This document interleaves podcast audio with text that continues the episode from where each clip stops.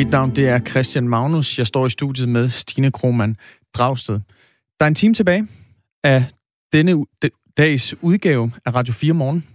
Vi skal selvfølgelig forbi USA.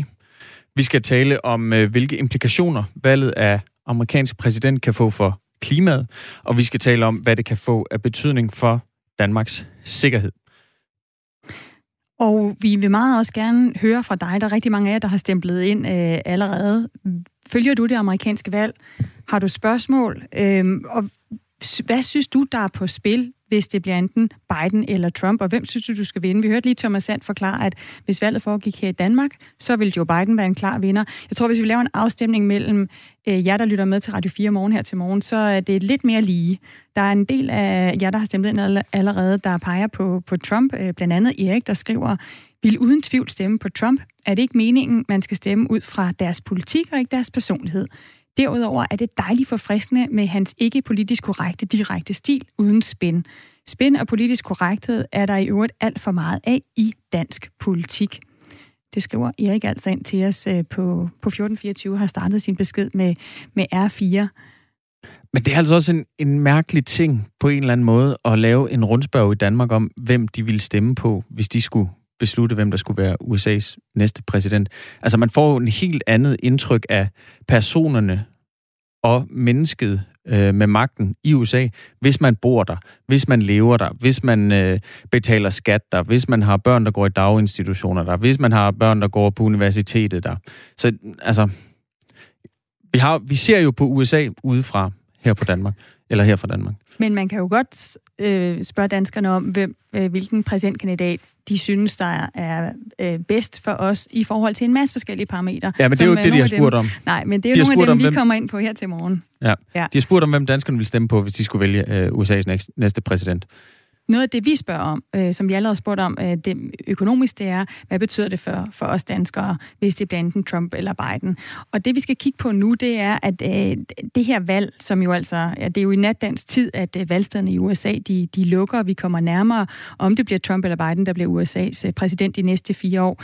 Det er også et valg, som eksperter øh, kalder det vigtigste for klimapolitikken, ikke bare i USA, men også i, i resten af verden. De to kandidater, de står nemlig på hver deres side i, øh, i klimakampen. Trump han har længe sagt, at han ikke tror, at klimaforandringer er et problem, som vi kan gøre noget ved. Han tror ikke på videnskaben og har de sidste fire år arbejdet for at fjerne eller svække USA's klima- og miljølove. It'll start getting cooler. I you wish just, you just watch. I wish science agreed with you. hey, well, I don't think science knows actually. Det kommer til at blive øh, kølig og bare rolig. Øhm, og så siger Donald Trump altså også her til en journalist, jeg tror ikke, at videnskaben har helt styr på, på det her med klimaet.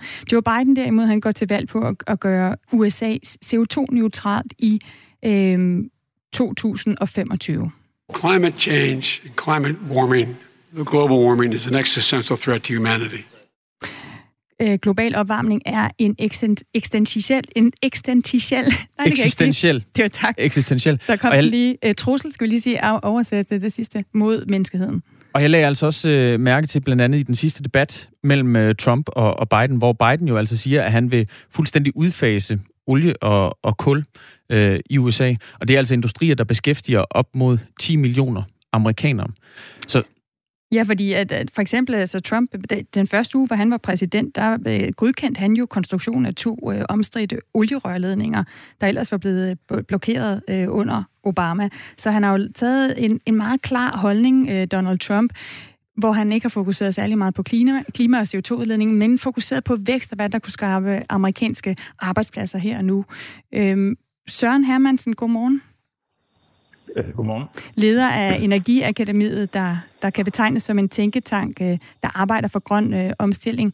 Hvor afhængig er vi i Danmark af vores grønne omstilling her af USA's klimapolitik?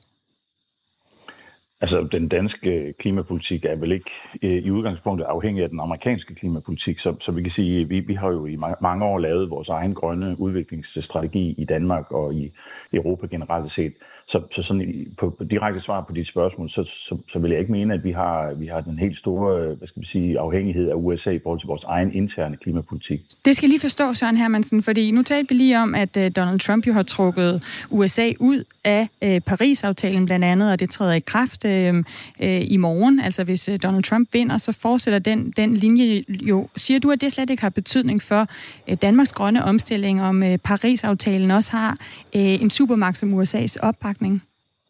Jo, men det er også et andet spørgsmål. Altså, hvis det, øh, hvis det er et spørgsmål om Danmarks øh, rolle i den internationale, internationale klimapolitik her, så, så er det klart, så har, vi, så har vi øh, fælles interesse eller fælles, hvad skal man sige, udfordring i forhold til klimahandlinger.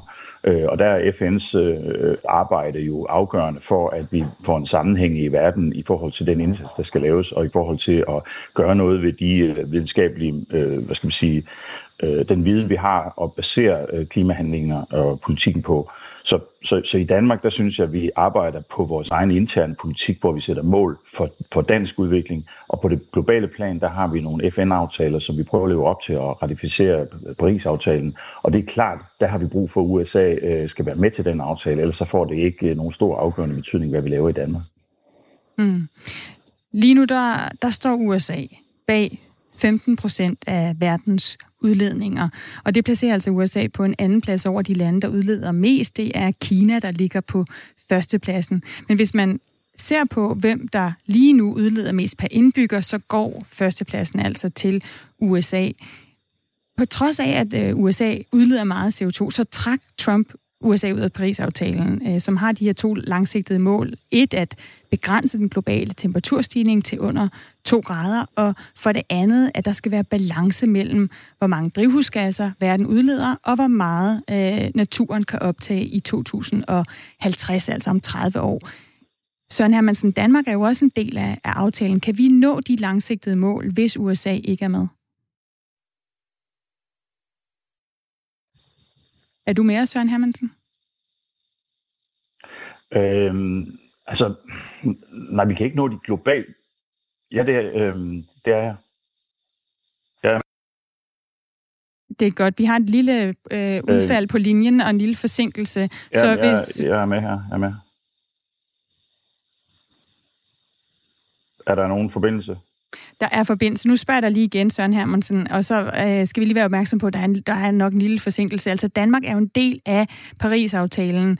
Som sagt, så udleder øh, USA øh, mest per indbygger lige nu af, af CO2. Kan vi nå de langsigtede mål, som vi har sat i Paris-aftalen, hvis USA ikke er med? Øh, øh, nej, det kan vi ikke. Og jeg, jeg, altså det er jo en af de ting, som jeg tror, energibevægelsen og klimabevægelsen som sådan er nervøs for generelt set, om vi overhovedet kan nå de her mål. Det er jo, det er jo, det er jo altså i forhold til, forhold til videnskaben enormt vigtigt, at vi sammen laver det, vi har sagt, vi vil gøre, og de, de målsætninger, vi har forpligtet os til i forhold til Paris-aftalen. Og det, det, vi kan være bekymret for, det er jo, at den ratificering, den er, bliver et politisk spil, om økonomi, om handlinger, om beslutninger, om, om implementering af nogle af de målsætninger, der er sat, sat for. Og når vi hele tiden kan man sige, skal diskutere, om vi skal være en del af Paris-aftalen, om, om øh, USA er med, om Kina øh, vil støtte op omkring processen, hvis ikke USA vil, så, så sker der jo i mellemtiden ikke rigtig noget. Så står vi stille i den her i utrolig stressede periode, hvor vi faktisk har ganske kort tid til at reagere, hvis vi skal tro på videnskaben. Og det mener jeg jo på min del, at vi skal. Øh, og vi, vi, er, vi er fuldstændig øh, afhængig af, at vi gør det her sammen, og vi gør det rigtig hurtigt. Mm. Okay, Trump mener jo, at de, de her regler og restriktioner, der skal til for at opfylde Paris-aftalen, de kommer på bekostning af arbejdspladser amerikanske arbejdspladser blandt andet. Du har jo rejst også på kryds og tværs af, af USA og været engageret i, øh, hvordan lokalsamfund der øh, har det med øh, omstilling til vedvarende energi. Kan du forstå, hvorfor mange Trump-vælgere synes, det er forkert, at vi i Danmark og andre EU-lande sætter klimamål over vækst og arbejdspladser? Men, men det, er jo, det er jo en fortolkning. Altså, jeg synes jo ikke, vi har sagt, sat klimamål over vækst og arbejdspladser. Jeg mener helt, helt afgjort, at vi er et land, som man kunne, man kunne se på i forhold til, at vi har skabt arbejdspladser med den grønne omstilling. Altså vindmølleindustrien har jo, har jo, har jo vist øh, en vækststrategi, som har været, eller en vækstresultat, som har været ret imponerende. Så hvis man kigger på vores omstilling, så har den faktisk skabt flere arbejdspladser, end den har afløst. Nu er vi selvfølgelig heller ikke et kulproducerende land som sådan, øh, og jeg synes forskellen mellem os og USA, det er jo, at Trump han bruger øh, hvad skal man sige, tab af arbejdspladser som et argument, hvor vi bruger vækst, øh, grøn teknologivækst og udvikling af grønne teknologier og videnskab og, og, og, og, og hele den, hvad skal man sige, vidensdatabase, der ligger bag ved det her, som et argument for også at skifte. Altså ikke kun for klimaets skyld, men også fordi vi kigger på den næste industri. Øh, grøn vækst er en del af den industri, og jeg tror, hvis du spørger en del af de danske virksomheder, Grundfos, Danfoss, Vestas, Siemens, øh, Novo og, og andre, så, så, så vil de sige, at den grønne omstilling, den har været god for dem i forhold til både branding og udvikling af nye produkter og nye måder at tænke på. Og det er jo problem, problemet med USA, det er jo, at, at Trump har, har lavet kan man sige, klima, øh, klimatrykket eller klimapresset om til, til frygt øh, for, for forandring i forhold til det, man kender, i stedet for at kigge på en mulighed til at lave en forandring, der kunne skabe øh, et nyt paradigme. Mm. Nu er det jo sådan, at øh, præsidentvalget i USA bliver afgjort på delstatsniveau, og du har delstater som for eksempel West Virginia, hvor, hvor kulindustrien er enormt vigtig for arbejdspladserne, noget som Trump jo blandt andet har været med til at åbne endnu mere op for, mens han har været præsident, at satse mere på kulindustrien igen, fjerne restriktioner fra, fra den.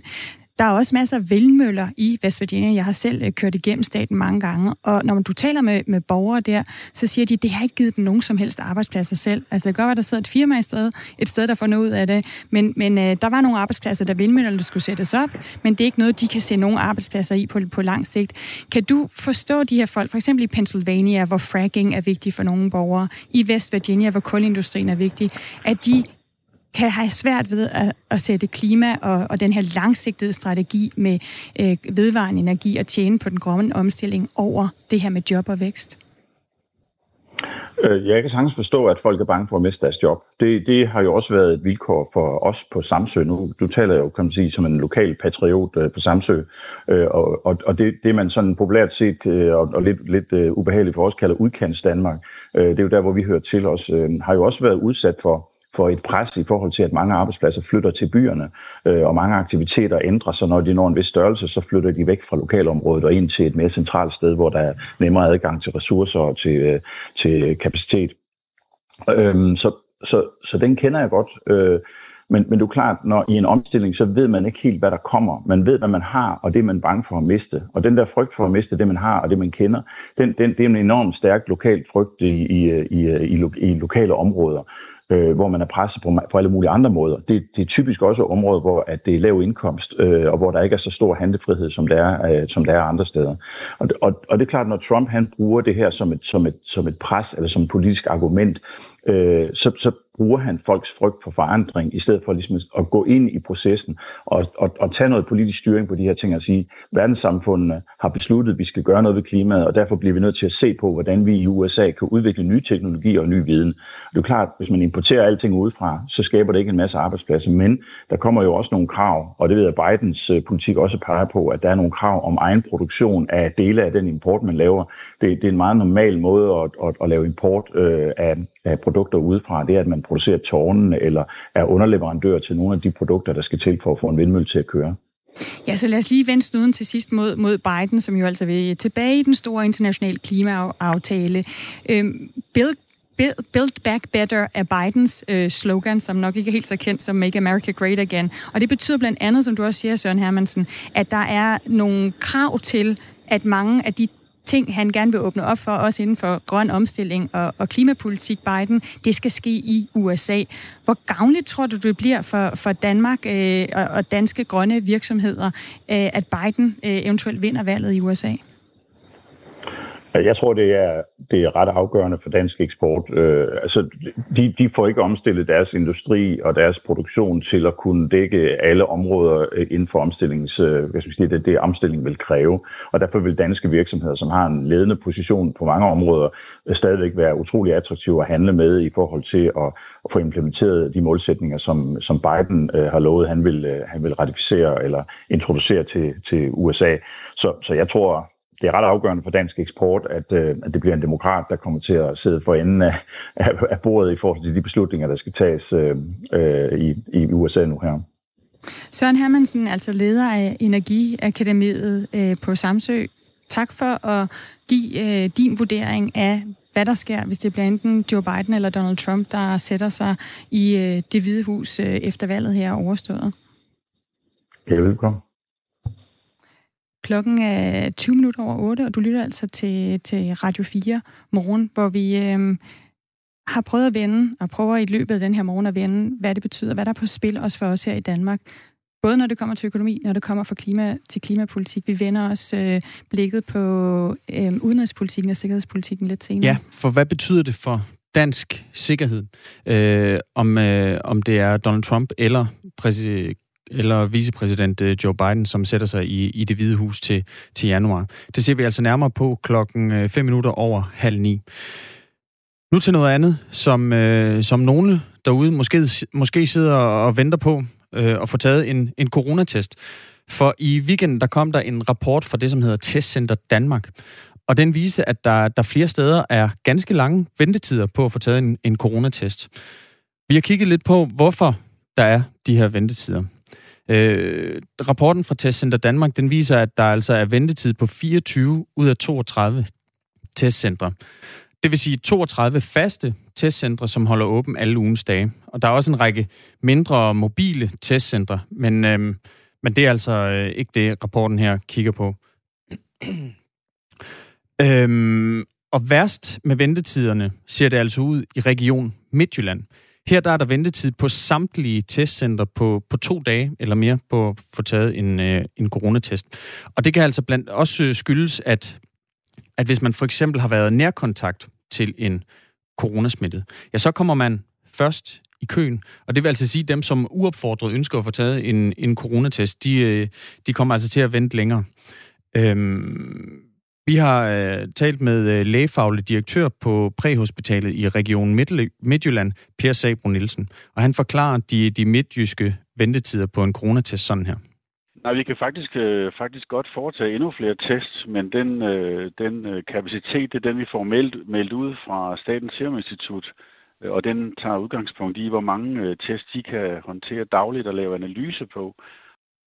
Region Midtjylland, de måtte altså foretage 1.500 test i sidste uge. 10.500.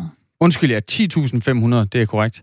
Øh, og i den uge, der bliver det, det tal altså forhøjet til 11.000. Også selvom de potentielt set godt kunne teste flere. Det viser tal, som øh, Radio 4 har fået i en agtindsigt, og det er tal, som stammer fra Styrelsen for Forsyningssikkerhed, men som er lavet på baggrund af anbefalinger fra Statens Serum Institut. Og det er altså ifølge Per Sabro Nielsen, analysedelen hos øh, Statens Serum Institut, der er grund til, at man oplever ventetider på coronatest. Jo, men man kan sige, at, at i, i, i forbindelse med, øh, med smittetrykkets stigning der i august, der er oprustet alle regionerne, så vi kan tage rigtig mange tests nu, mange flere end dem, vi tager. Øh, så testtagning, testtagningen er ikke nogen særlig begrænsning. Øh, så den ligger inde i analysekapaciteten, men der har øh, Statens Serum Institut jo en plan, sådan at de stiger med 5.000 her om ugen de, de kommende uger, og i, i løbet af december, der vil de faktisk kunne teste op mod 95.000 om ugen, hvis det er nødvendigt. Det samlede antal øh, coronatests, som hver dag kan analyseres hos Statens Serum Institut, det er altså i denne uge 55.000. Så vidt. Coronatest. Har du fået taget nogen, Christian Magnus? Ja, jeg var jo i isolation for to uger siden, da jeg havde været øh, nærkontakt til en uh, smittet med, med coronavirus. Så der, uh, der blev jeg så uh, opmagasineret i min uh, forældres uh, kælder i uh, fire dage. Det er jo sådan, når du bliver udsat for, uh, for smitte, eller har den her kontakt med en person, som viser sig at være, være smittet med corona, så bliver det betragtet som dag 0. Og så på dag 4, der kan man så få den, den første test, og så skal man så testes igen på dag 6. Det betyder blandt andet, at jeg simpelthen ikke havde selskab af dig her på Radio 4 morgen i hele, hele fire dage. Ja. Der var det så Claus Elgaard, der var så sød at springe ind, fordi at vi måtte vente på, om, om du øh, havde, var blevet smittet eller ej. Ja. Det var du heldigvis ikke. Det var jeg ikke. Der var heller ikke nogen symptomer eller noget som helst, så jeg havde godt lidt luret den, men altså, man ved jo aldrig med den virus der. Man kan jo have den, selvom man ikke ved det. Husk, at du også kan give dit besøg med her på Radio 4 morgen. Start din besked med R4, send den til 1424. Hvordan oplever du testtiderne i øjeblikket øh, for corona? Øhm, og, det virker jo som om, det er meget afhængigt af, også hvor bange vi selv er for at blive smittet, om vi får at vide, at smitten går op øh, eller ned. Øhm, jeg blev selv testet under efterårsferien. Der var der ikke særlig mange, der skulle testes. Der var det let at komme til. Lige bagefter, der var det enormt svært, og det var der, hvor vi så en, en, en bræt stigning. Men altså, øh, skriv ind til os, vi holder øje med, med sms'en. Nu er klokken blevet 24 minutter over 8.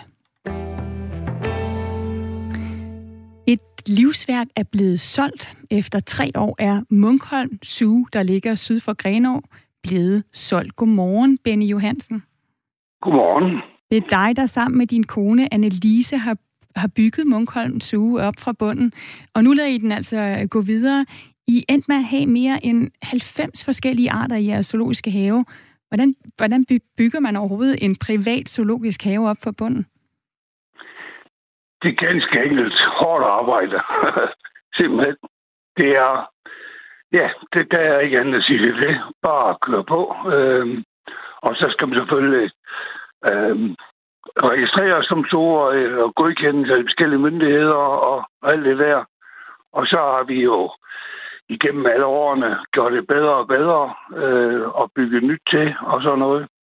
Og Altså, ja, Benny Johansen, prøv, prøv lige at forklare, hvor, hvordan fik dig og Annelise den her idé om, at I vil begynde at fremvise dyr? Jamen, det startede nok med, altså jeg havde mange dyr som privat.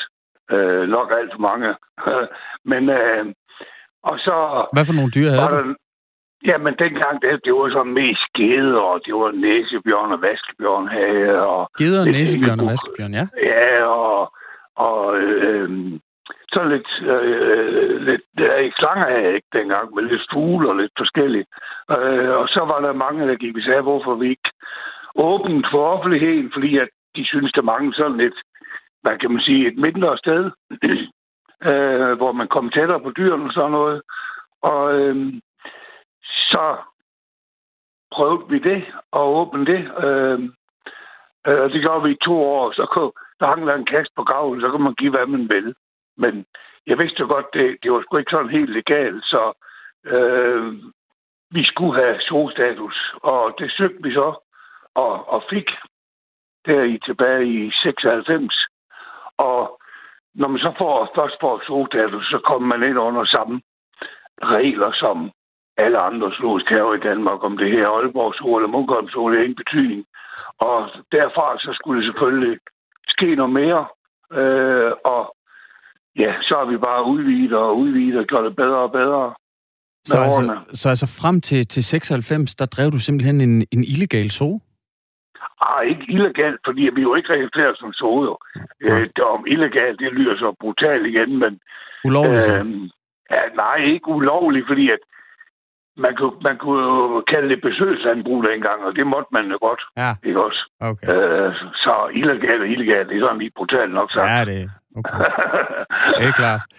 Nu, nu er det så en øh, ny ejer, der overtager øh, jeres zoo, Benny. Ja.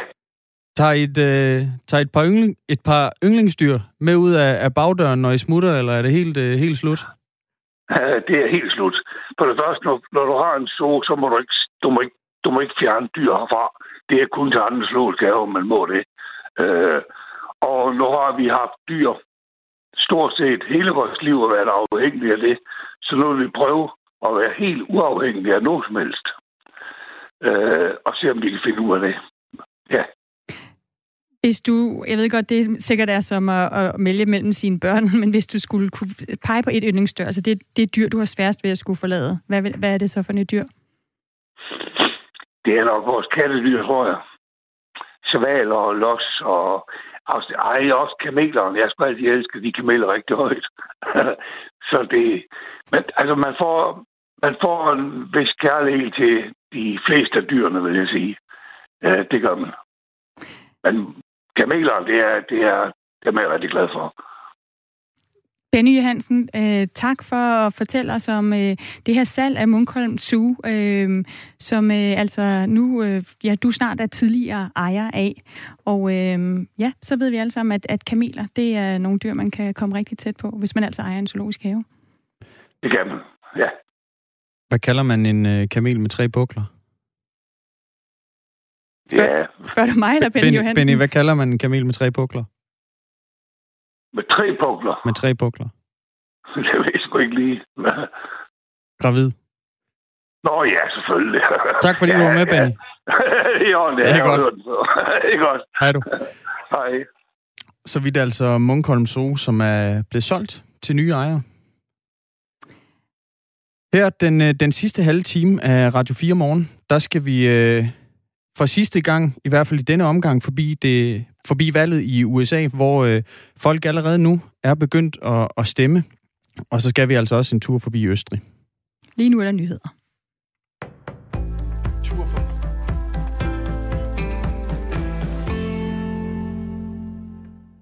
Fem personer herunder den formodede gerningsmand er døde efter et skyderi i Østrigs hovedstad Wien i aftes. Mindst en person, som formodes at stå bag skyderiet, sympatiserede med den ekstremistiske gruppe Islamisk Stat, det oplyser Østrigs indrigsminister Karl Nehammer.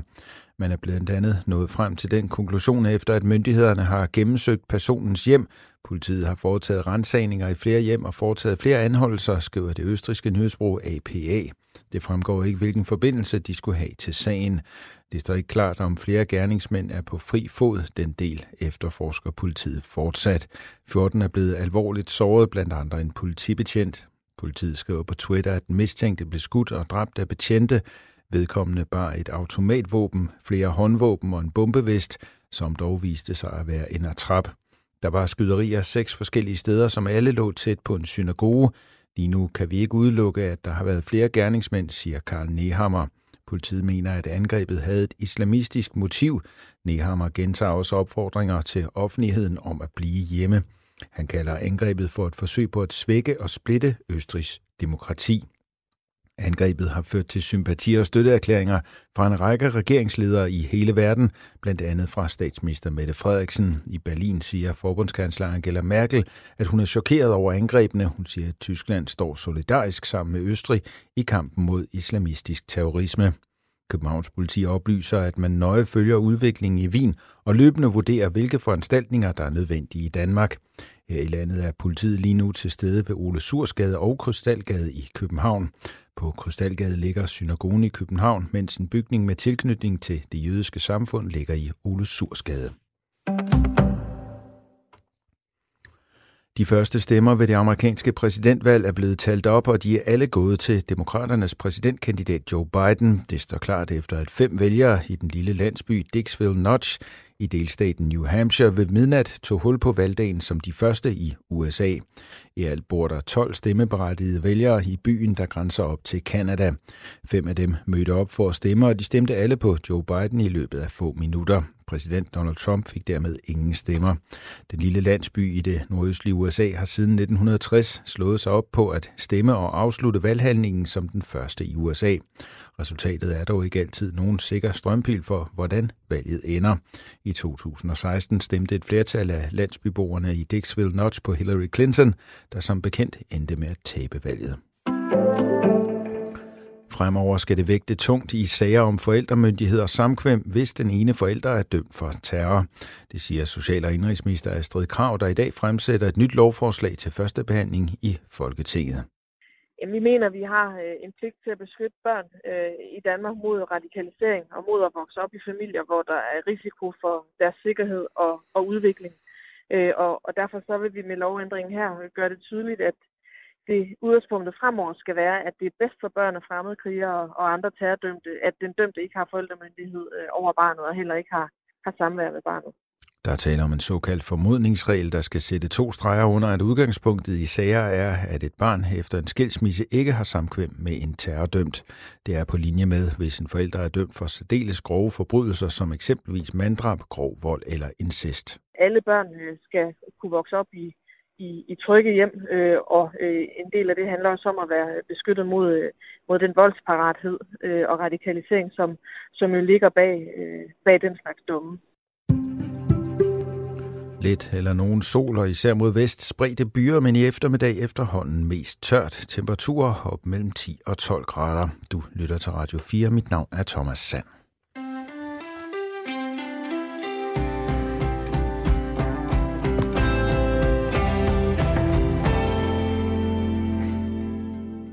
Godmorgen. Alle giver Trump kredit for væksten. Husk nu lige, at fundamentet til den vækst var støbt af Obama og Biden.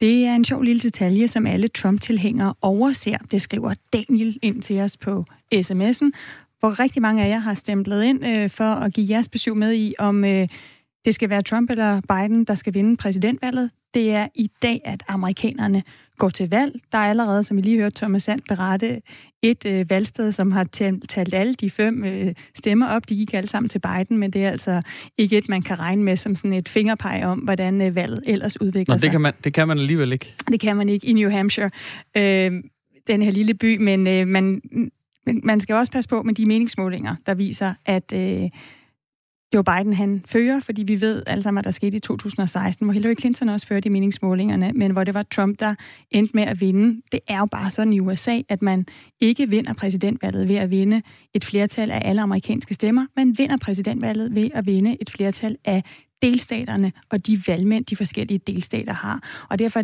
er det altså helt bestemte delstater, der kan komme til at afgøre det her valg. Det er der, hvor opløbet er tættest. Og det er der, hvor vi også på Radio 4 Morgen har rapporter igennem, som vi stiller om til igen i morgen, hvor vi følger valget tæt. Vi skal også høre fra en masse dansk-amerikanske vælgere, hvad der gør, at de støtter enten øh, Trump eller Biden. Men det vi er i gang med lige nu, det er også at kigge på, hvad det her valg betyder for os her i Danmark. Hvad er der på spil for os? Ja, for noget, som har fyldt øh, meget lidt i den amerikanske, i den amerikanske valgkamp, det er altså USA's udenrigspolitik. Øh, men den kan altså få stor betydning for, for os herhjemme. Vi har jo for vane, det så vi efter, efter terrorangrebene øh, den, øh, den 11. september i USA i 2001. Altså der gik vi med amerikanerne i krig i Afghanistan. Vi gik med amerikanerne i krig i Irak. Så det kan altså få stor betydning for, øh, for os herhjemme, hvilken øh, udenrigspolitik, der bliver ført i, i USA. Øh, og det skal vi tale med dig om, Rasmus Sending Sørensen. Godmorgen. Øh, Søndergaard. Sø- Søndergaard, undskyld. Ja. Se, og du er seniorforsker ved Dansk Institut for Internationale Studier. Det er korrekt. Hvis man, øh, hvis man kigger på, på Trump og Bidens udenrigspolitik, er der så stor forskel på, hvad de vil? Udenrigspolitikken overordnet set, der er der forholdsvis stor forskel, men det er fordi vi taler om for eksempel deres opbakning til hele det her regelbaserede internationale system, som USA jo har bygget op helt tilbage fra 2. verdenskrig, og som har, de har sat sig i spidsen for, altså fra FN og WHO og international øh, frihandel osv. Der er der stor forskel, fordi at Trump jo har gjort det til sin fornemmeste udenrigspolitiske opgave at trække USA ud af det her system og prøve at underminere det og begrænse USA til den her America First agenda Hvorimod Joe Biden har slået sig op på, at han vil genindtræde i den her rolle, hvor USA ligesom er, er leder af den, den såkaldte frie verden, og vil genetablere alle de her relationer og investere i de her internationale organisationer, som USA tidligere har gjort meget ud af. Der vil Biden køre tilbage til tiden før Trump. Så lige på det overordnede, se, øh, overordnede plan, der er der stor forskel i, hvad den ser udenrigspolitikken. Hvilke internationale organisationer har, har Trump trukket øh, USA ud af? Jamen altså, det er en del aftaler for det første, ikke? Altså mm. Iran-atomaftalen for eksempel, og Paris klimaaftalen selvfølgelig, men han har jo så også bebudet nu, at man trækker sig ud af WHO, altså af Sundhedsorganisationen. Og så har han jo raslet godt med sablen også i forhold til for eksempel NATO, altså man har jo ikke trukket USA ud, men der har jo i hvert fald været trusler om det. Og så helt grundlæggende har han bare, øh, skal man sige, set stort på øh, institutionerne, men også normerne, og ligesom ikke rigtig værdsat den her internationale, det internationale samarbejde i de her organisationer, men i stedet for haft sådan en meget klar, vi klarer det selv, USA går først, USA gør alene, hvis det er nødvendigt. Men grunden til, at Trump han har, har raslet lidt med sablen i forhold til, til NATO-samarbejdet, det er jo også, at øh, mange lande, inklusive Danmark, ikke leverer det, som vi rent faktisk har forpligtet os til. Altså 2% af BNP, som skal gå til, til militær opbygning og kapacitetsopbygning. Er det egentlig ikke bare det, der har været formålet? Pierre Morco er med, med, oh, er det egentlig ikke bare det, der har været formålet med, øh, med at Trump har talt øh, dunder mod, øh, mod NATO-landene? Jo, det er en del af det. Det er vigtigt at have det lidt længere perspektiv på, når vi ser på det, og det har været et amerikanske, øh, nej, det har været amerikanernes øh, varemærke, kan man sige, over for os europæere i en overrække, også under Obama og også under Bush før ham, at vi i Europa må se at komme til punkten og begynde at betale de 2%, som vi har lovet, vi vil betale, hvilket de fleste af os, inklusive Danmark, jo ikke gør. Øh, så det er helt klart en del af det, og det vil også fortsætte, hvis Biden skulle blive præsident, så vil der også komme pres på Danmark og vi andre i Europa på, at vi skal betale mere for vores eget forsvar. Forskellen er, at i modsætning til hans forgængere, og i modsætning til hvad Biden formentlig vil gøre, hvis han vinder, så har Trump øh, lagt meget, meget hårdere tryk på det her pres, og har ligesom holdt frem den her øh, ultim, det ultimative krav om, at hvis ikke det sker, så kunne han finde på at, at trække USA ud, hvilket effektivt vil øh, altså, øh, øh, slutte NATO, så vil NATO ikke fungere uden USA. Og Trumps politik de, de sidste fire år, det har jo været, øh, som du også nævner, øh, America First. I, I september, der slog præsidenten sine øh, udenrigspolitiske bedrifter fast i en tale til, til FN. I talen, der lagde Trump vægt på, at USA har trukket en streg i sandet over for Kina. De har genoplevet NATO, besejret islamisk stat, trukket sig fra den forfærdelige atomaftale med, med Iran og forhandlet banebrydende fredsaftaler i Mellemøsten. We are stronger now than ever before. Our weapons are at an advanced level like we've never had before, like frankly, we've never even thought of having before. And I only pray to God that we never have to use them. Er det egentlig ikke rigtigt, at han har genoplevet NATO, for han har fået os, øh, blandt andet Danmark, til at indse, at det her NATO-samarbejde, det er altså ikke bare en gratis omgang, man er nødt til at levere det, man har forpligtet sig til? Så har vi jo ikke set, at de europæiske lande øh, har leveret de 2%. Der er flere lande, der er begyndt at bruge mere, men der er mange øh, eksperter også på, på europæiske og russiske forhold, der mener, at grunden til, at de europæiske lande bruger mere, og det er særligt i Østeuropa, at man lever op til 2%, det har meget mere at gøre med, hvad der sker i Rusland, end hvad der sker i USA. Altså frygten for et ekspansivt Rusland, øh, ikke mindst i kølvandet på, at Rusland annekterede Krim tilbage i 2014. Så, så jeg tror ikke kun, det er Trumps fortjeneste, og så må jeg så bare sige, at, øh, at det ikke lykkedes endnu. Øh, når det er sagt, så, så er der ingen tvivl om, at, altså, at Trump har, har været mere effektiv end sine forgængere i at lægge pres på os her i Europa. Så, så han kan godt øh, sige, at han har talt hårdt mod hårdt, og, øh, og han har gjort mere, men det er jo ikke lykkedes endnu at få os alle sammen til at punge helt ud. Og så vil jeg bare lige sige to ting i det, han siger, hvor jeg vil sige, at han jo har ret. Øh, altså, hvad hedder det, hårdt mod Kina, det er helt klart noget, han, han har kørt på, og det er også noget, jeg tror, vi vil se, uanset om det er Trump eller Biden, der, der vinder valget, så vil USA fortsætte med at køre en hård linje over for Kina. Og det andet det er Mellemøsten, hvor at han jo har sagt, at han vil trække amerikanske tropper ud. Det er ikke helt sket endnu, men han har dog afholdt sig fra at starte nye krige, og det tror jeg også vil være øh, en fællesnævner for, uanset om det er Trump eller Biden. Altså der er simpelthen ikke øh, opbakning til flere militære engagementer i Mellemøsten blandt øh, den amerikanske befolkning. Så, så der har han også, kan man sige, øh, holdt sig i skinnet, og det tror jeg, vi vil se både Biden og Trump vil gøre. Der er ingen, der har mod på at, at starte en ny krig i Mellemøsten, for eksempel.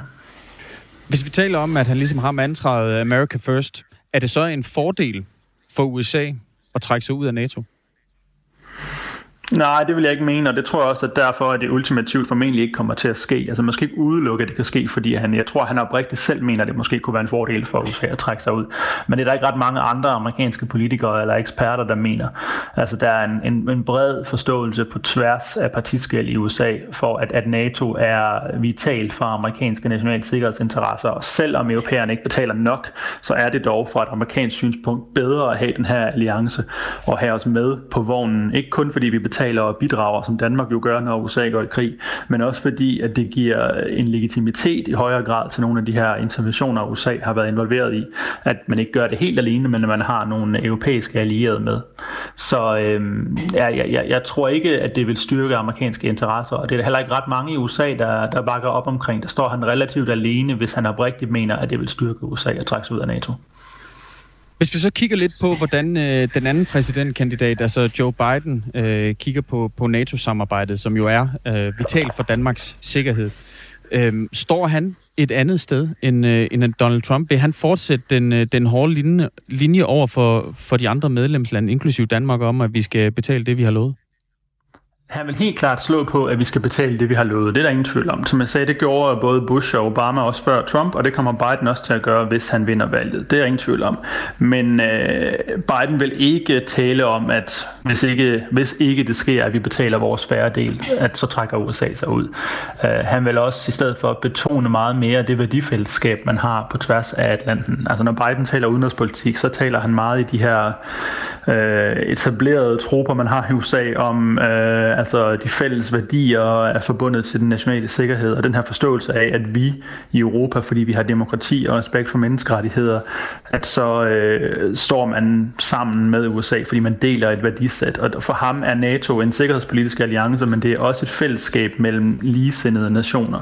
Det er noget, han lægger meget vægt på, noget som Trump jo slet ikke går op i. Altså Trump taler jo stort set ikke om demokrati og menneskerettigheder, og har det jo fint med, at USA er allieret med øh, regimer, der på ingen måde er demokratiske. Øh, der vil Biden forsøge, og jeg er ikke sikker på, at han vil lykkes, men han vil forsøge at, at, at køre USA's udenrigspolitik mere øh, tæt op af, hvem man har værdifællesskaber med, altså hvem der altså, allierer USA tættere med andre demokratier herunder også i Europa og NATO-landene. Rasmus Sinding Søndergaard, tak fordi du var med. Selv tak. Seniorforsker ved Dansk Institut for, for Internationale Studier. Og en af de øh, eksperter, som vi trækker på øh, i morgen, hvor vi øh, går øh, all in på at dække øh, det amerikanske valg, så øh, hvis du ikke øh, orker eller har mulighed for selv at sidde og følge med på CNN eller Fox News eller nogle af de andre kanaler, så tænd for, for Radio 4. Vi har øh, også en, selvfølgelig en masse af vores reportere med fra øh, der, hvor øh, det sker, både i Washington D.C. og i Midtvesten og i sydstaterne. Og så skal vi også tale med en masse dansk-amerikanske vælgere øh, om, hvem de håber, der bliver USA's præsident.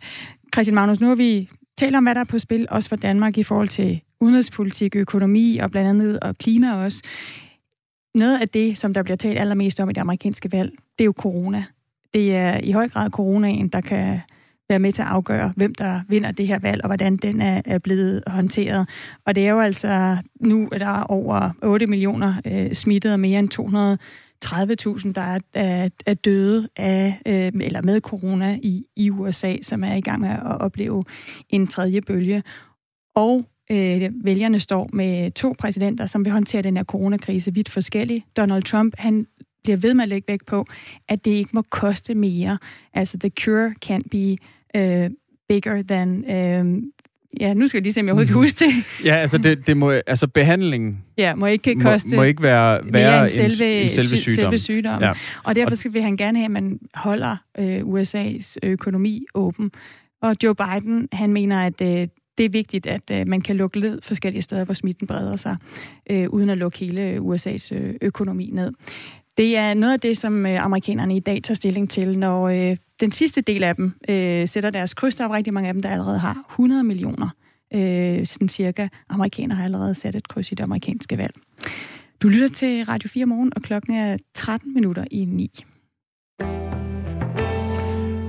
Fire civile har mistet livet i et øh, terrorangreb i Wien, der, øh, der skete i, i går aftes. Altså en historie, vi også har været på flere gange her til morgen. Øhm, 15 personer er alvorligt såret, og blandt dem er en politibetjent. Det er situationen i Wien lige nu, oven på det angreb, som, øh, som øh, man formoder havde et øh, islamistisk motiv. Det skriver politiet i, i Wien øh, på Twitter her til morgen. Angrebene, de, øh, de skete på en, øh, en lun aften i går aftes, øh, og det var, det var endda den sidste aften, inden Østrig skulle ind i lockdown nummer to, altså corona-lockdown, øh, og alt på ny skulle lukkes ned fra midnat natten til i dag. Det fortalte Susse Herzog, som øh, har boet i Wien i, i 47 år. I forvejen var det jo sådan, at vi ved øh, midnatstid i nat øh, var vores anden lockdown gået i gang. Og det havde i, øh, for Wien betydet, at alle lokaler, alle restauranter, barer og så videre skulle lukke kl. 12 og øh, lukker ikke op i morgen, vel? Eller i dag. Og øh, øh, vi skulle have udgangsbære fra kl. 8 om aftenen til kl. 6 om morgenen. Øh, og i denne, denne sidste aften inden lockdownet, øh, hvor det samtidig er meget varmt for årstiden, og masser af folk øh, sidder ude, sker så det her angreb. Ikke? Ja, der var altså mange mennesker på, på gaderne i, i går i Wien, da folk lige skulle, skulle nyde en sidste tur på café eller restaurant, inden, øh, inden øh, østrigerne igen går ind i fire ugers øh, lockdown. Øhm, så der var altså mange mennesker på gaden, da der i går blev skudt mere end seks forskellige steder i, i Wien. Og nu anbefales alle altså at blive indendørs, med mindre der er en virkelig god grund til at bevæge sig ud. Selv var Susse Herzog ikke på, på gaden i går aftes, men lyden fra politibiler og helikopter har lyttet i nat, fortæller hun. Ja, men øh, jeg var ikke på gaden i går aftes, så øh, jeg kan jo ikke sige, at jeg personligt har øh, mærket til det andet, end at vi selvfølgelig har ført en, et gevaldigt politiudbrud, altså masser af biler med sirener undervejs og helikopter, der øh, indtil så langt i nat fløj. Jeg kender området så udmærket. Jeg har arbejdet der, da jeg stadig arbejdede på Salzgris, og øhm, det er et øh, lige der, hvor det starter, sejlerstedet, øh, er øh, et, et Bermuda-drej, kalder man det, altså et knudepunkt for en masse lokaler, hvor mange unge mennesker mødes. Ifølge landets politi så blev de første skud affyret lidt efter klokken 20 på en gade fyldt med caféer og restauranter. Og angrebet fandt sted tæt på en synagoge, som var lukket på grund af corona. Og rabiner Shlomo Hofmeister så angrebet finde sted fra sit vindue i synagogen. Det fortæller han til Londons LBC, LBC Radio. Han siger, vi hørte skud og kiggede ud af vinduerne og så angrebsmændene skyde på gæsterne på de forskellige barer og popper. De løb omkring og affyrede mindst 100 skud eller mere foran vores bygning. Susie Herzog, som vi talte med lidt tidligere på morgen, har altid frygtet at gå rundt på gaderne, øh, har aldrig undskyld frygtet at gå rundt på, på gaderne i, i Wien. Vi spurgte hende, om det her angreb kommer til at ændre noget ved det. Det håber jeg ikke. Altså, det har jeg faktisk øh, til sinde, at det ikke skal. Øh, fordi det, det altså, er det jo nok det, vi altid siger, at det må det simpelthen ikke komme til. Og øh, det håber jeg heller ikke, det gør. Øh, jeg håber, de får fuldstændig fod under det her og får øh, fundet øh, forbryderne. Og, øh, og så bliver det med mit vin igen, som jeg har levet i så mange år. Men det er klart, at det kom og til at påvirke hende, siger Susie Herzog. Ja, hvordan, hvordan påvirker det dig, når der, der sker sådan et, øh, et angreb her? Jamen, øh, det gør der selvfølgelig, at man, man kigger sig nok mere over skulderen lige i næste tid. Ikke? Altså, det er, der, er mere ops på, hvad der sker lige omkring en. Men øh, jeg øh, håber på, at det bliver sådan, at vi igen kan se hinanden i øjnene og ikke behøver at, at gå og være bange for hinanden. Sagde altså Susse Herzog, som bor i Wien og har gjort det de sidste 47 år. Terrorangrebet i Østrig har altså også affødt reaktioner herhjemme. Statsminister Mette Frederiksen, hun har skrevet på, på Twitter, citat, Min tanker går til offrene, deres familier og hele det østriske folk. Også udenrigsminister Jeppe Kofod har øh, kaldt, øh, kaldt hændelserne i, øh, i Wien for, for tragiske. Øh, og politiet er altså også på gaden i Danmark, for lige nu der har dansk politi været meget synlige omkring synagogen i København, hvor man har lavet afspærringer. Det har man altså, fordi et af de øh, skudepisoder, der altså var i Østrig i går aftes, de altså fandt sted foran en, øh, en synagoge. Og vi spurgte derfor øh, Hans-Jørgen Bonniksen, forhenværende operativ chef i PT, hvorfor man reagerer den måde herhjemme på baggrund af et terrorangreb i, i Østrig. Jamen, det er meget naturligt, det øjeblik, det sker så en alvorlig og dramatisk hændelse, som er tæt på en, en synagoge. Så vil man, for det man ved jo, at synagoger og øh, jøder i det hele taget er jo et af de mål, som er på, på de militante islamisternes øh, så at sige måltavle, jamen så vil man opgradere sikkerheden for i hvert fald at gardere sig så meget, man overhovedet kan, altså forebygge, modvirke og forhindre et eventuelt angreb i, i København. Man følger selvfølgelig meget nøje med, hvad der foregår i Wien i øjeblikket, og forsøger på så konkrete oplysninger som, som overhovedet muligt. Det, jeg tror, det er det helt store spørgsmål i øjeblikket i alle europæiske efterretningstjenester, det er, er islamisk stat og ligesindede organisationer nu ved at bevæge sig fra en defensiv rolle igennem meget lang tid til at være skrue op mod det offensive? Det er det helt store spørgsmål, og det rejser sig selvfølgelig på grund af dels hændelserne i Nice og nu hændelserne i Wien. Hændelser i Wien, de har dog ikke øh, ført til et øget trusselsniveau mod Danmark, fortæller Hans Jørgen Bonniksen. Altså det, det, det er vigtigt at, at lægge mærke til, det er selvfølgelig, hvordan reagerer PET med hensyn til udmelding af trusselsvurderinger, og den ligger faktisk øh, på det næste højeste niveau. Så jeg tror ikke, det får nogen indflydelse i forhold til, til den eventuelle opgradering af trusselsvurdering.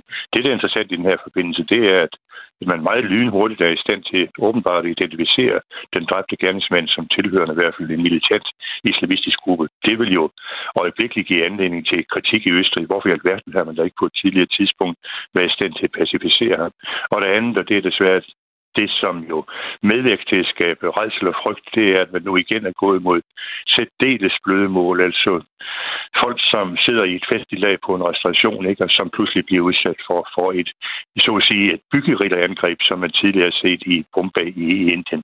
Altså, der understreger de jo, at det, hvad det drejer sig om, når, når man taler om terror, jamen det er jo det er jo 5% skudsalver, 5% sprængkraft og så 95% frygtkommunikation. Ikke? Og der må man nok erkende, at, den slags ting medvirker jo til allerhøjeste grad at skabe frygt rundt omkring, i stedet for at, øh, at man, øh, man er i stand til at bevare fornuften. Og det håber jeg, man er netop i forhold til den slags ting, så man ikke overreagerer, for det er en af de ting, som, som terroristerne altid håber på.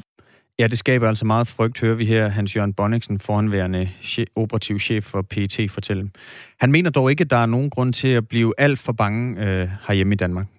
Nej, det mener jeg faktisk ikke. Og alene det, at øh, så kan man jo se ikke, at allerede på nuværende tidspunkt har Københavns politi jo foretaget nogle foranstaltninger, som skal modvirke og forhindre, at tingene sker. For eksempel at afspærre gaden om, omkring den, den, den jødiske synagoge. Det er jo i, i, i et præventivt sigte. Og jeg mener, at det har jeg, jeg har en 100% tillid til, at politiets efterretningstjeneste er en dygtig efterretningstjeneste, som har fingeren på pulsen. Så det vil jeg læne mig op af, og så vil jeg stadigvæk leve det liv, som jeg levede for for 24 timer eller 48 timer siden. Øh, vi skal netop passe på, at vi ikke bliver grebet af frygten, men stadigvæk er i stand til at bevare fornuften. For risikoen, og det er vigtigt at være opmærksom på, risikoen for, at du og jeg og vores lytter og vores kære bliver udsat for et terrorangreb, den er altså, den er altså uendelig lille. Efter angrebet her, der blev en øh, gerningsmand altså skudt og dræbt af, af politiet. Ifølge indrigsministeren, der var den dræbte gerningsmand islamisk statssympatisør. Og man, øh, man er blandt andet nået frem til den konklusion, efter myndighederne har, har gennemsøgt personens hjem. Og her i løbet af morgenen, der er det altså kommet frem, at Østrigs, Østrigs politi har foretaget rensagninger i, i flere hjem, og også foretaget anholdelser her til morgen. Det skriver det østriske nyhedsbureau APA. Og flere lande har sendt øh, støtte og sympati til Østrig efter angrebet. Blandt andet den franske præsident Emmanuel Macron, der skriver, at han deler østrigernes chok. Vores fjender har brug for at vide, hvem de har med at gøre. Vi giver ikke efter for noget, siger altså Emmanuel Macron. Og i USA, der fordømmer demokraternes præsidentkandidat Joe Biden og hans hustru Jill også angrebet. Det samme gør præsident Donald Trump. Han øh, skriver på Twitter, vores bønder går til Vins beboere efter endnu en ondskabsfuld terrorhandling i Europa. Sådan lyder det altså fra USA's præsident Donald Trump øh, på Twitter. Og om Donald Trump bliver ved med at være præsident øh, efter det valg, der går i gang i dag. Det følger vi tæt øh, her på Radio 4 morgen, også i morgen. Øh, vi vil, altså valgstederne, de lukker jo øh, ved, ved midnat øh, dansk tid. Der er allerede nogle af dem, der er åbne nu. De fleste af dem åbner kl. klokken 12 her i dag, dansk tid. Øhm, der er mange amerikanere, der allerede har stemt. Så det store spørgsmål, man kan sidde med, det er, hvornår ved vi egentlig, at der, at der blev udråbt en vinder. Donald Trump han har været ude at sige, at der bør være et klart valgresultat i morgen aften. Men øh, nu er det altså ikke øh, kandidaterne selv, der øh, kan bestemme, hvornår det her valgresultat ligger. Valgsystemet i USA det er sådan, at et valg det er overstået, når stemmerne de er, er talt. Og siden 1848, der har det været nyhedsbyrået AP, der har annonceret valget, altså called the election. Og det er jo en, en lang historie, de så har spillet i, i den Annonceret her rolle. valgresultat, så ligesom ja. at dem, når de siger, at valget er afgjort, så er det afgjort. Præcis. Og det AP gør, det er, at de ser i hver enkelt delstat. For igen, vi skal huske, man vinder ikke et valg i USA ved at få et flertal af de amerikanske vælgere på landsplan. Man vinder ved at få flest valgmænd i de enkelte delstater. AP de sidder og kigger på, er der nogen som helst mulighed for, at den kandidat, der er bagud i de enkelte delstater, har en vej frem? Hvis der stadig er en mulighed for det, så kommer de ikke med et bud på, hvem der kan vinde den delstat, og altså dermed vinde de valgmænd, som man så kan lægge i sin hat. Man skal nå op på 270 valgmænd for at blive præsident øh, i USA. Donald Trump han vil gerne have, at der kommer et resultat inden midnat øh, på den her valgdag, som vi går ind i nu. Og det har der været fire gange siden 1992, men tre gange der er det altså taget længere tid. Så det er ikke unormalt, at det kan trække ud. Om det trækker ud i, i dag, det afhænger af, af to faktorer. Hvor tæt løbet er mellem Joe Biden og Donald Trump, og hvor mange amerikanere, der stemmer. Og der ved vi jo allerede, at der er et rekordantal, der har stemt tidligt. Så øh, det kan tage rigtig lang tid at få talt de her øh, stemmer op, blandt andet fordi nogle af dem er kommet ind som brevstemmer, og i nogle delstater, blandt andet Pennsylvania, som en af de her afgørende svingstater, som kan blive det, der hedder en tipping point state, altså den, som begge kandidater skal vinde, for ligesom at få de sidste af de her 270 valgmænd. I Pennsylvania, der må man ikke tælle de her brevstemmer op, før man er begyndt at tælle alle de almindelige stemmer op, som folk sætter i dag, når valgstederne åbner. Er Pennsylvania også en af, de, en af de stater, som har sagt, at de vil tælle brevstemmer med, selvom de kommer for sent, så længe de bare er dateret til før valgets afslutning. Det er lige præcis rigtigt, og det har de fået højesteretsord for, at de kan. De kan vente nogle dage efter. Det kan jo betyde, at der potentielt er et brev, der kommer frem om en uge, som så skal tælles med. Det kan det, men det kan også være sådan, at vi ikke behøver at vide, hvem der vinder i Pennsylvania for at kende valget. Det kan være, at det går lidt hurtigere, hvis for eksempel Florida, som er en rigtig vigtig svingstat og har rigtig mange valgmænd, hvis de, er, de kan tælle meget hurtigt, hvis de kommer med en indikation her øh, tidligt, jamen øh, så har vi nok et tegn på, hvem der kan blive USA's præsident.